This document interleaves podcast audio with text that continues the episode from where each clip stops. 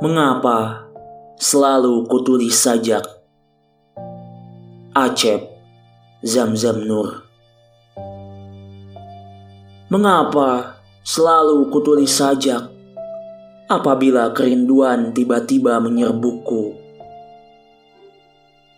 Mengapa harus sajak, Tuhanku? Mengapa harus ia yang mampu kupersembahkan kepadamu?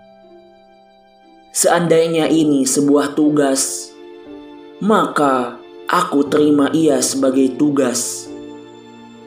Akan kujalani sampai nanti nyawaku terlepas. Seandainya ini sebuah sembahyang, maka akan kuusir segala bayangan yang datang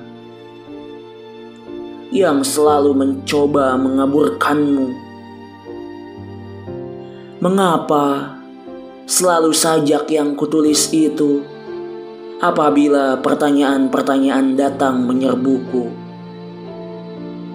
Selalu sajak, Tuhanku, mengapa selalu ia yang mampu kuberondongkan kepadamu.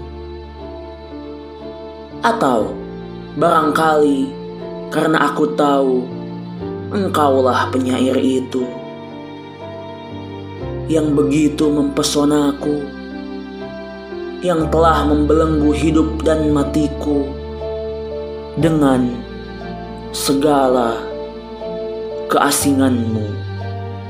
Seribu 981